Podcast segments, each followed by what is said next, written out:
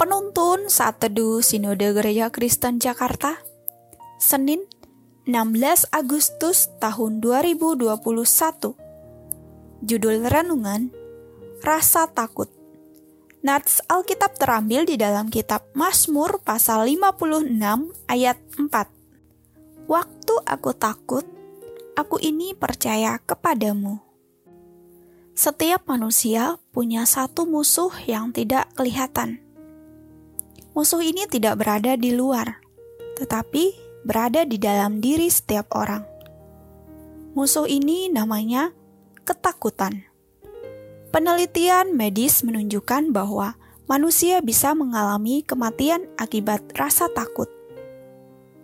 Perasaan takut yang tidak diatasi juga bisa menyebabkan berbagai gangguan pada tubuh dan kesehatan mental seseorang. Iblis ingin kita hidup di bawah kendali ketakutan. Sebaliknya, Tuhan mau supaya kita tidak hidup dalam ketakutan. Ketika saya melayani di Sumba, NTB, ada anak laki-laki yang mempunyai ayah seorang polisi. Saya mengamati sikap anak itu ia adalah anak yang tidak takut dalam menjalani kehidupannya.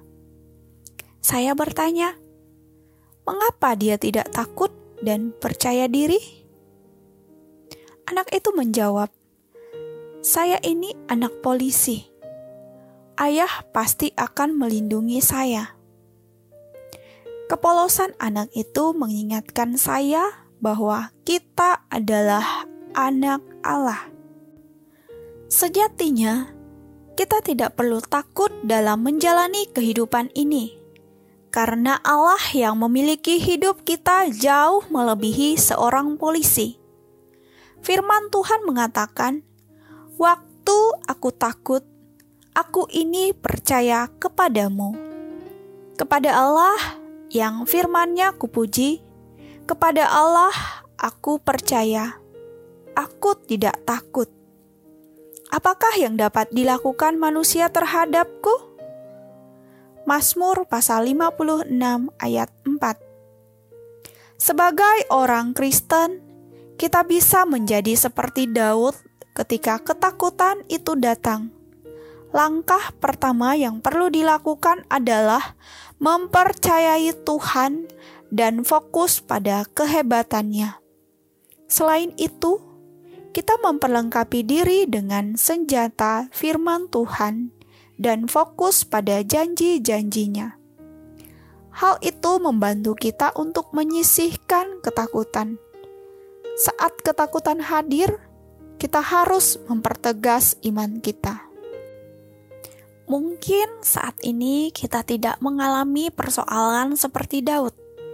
Namun, di tengah bahaya pandemi yang masih merajalela, bisa saja kita menjadi takut.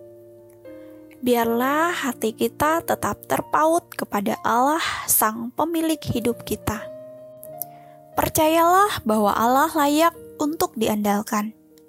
Tangan Allah bekerja seiring dengan hatinya yang penuh belas kasihan. Kiranya Tuhan menolong dan meneguhkan kita. Jangan takut Percayalah kepada Tuhan dengan segenap hatimu. Amin. Terima kasih. Tuhan Yesus memberkati.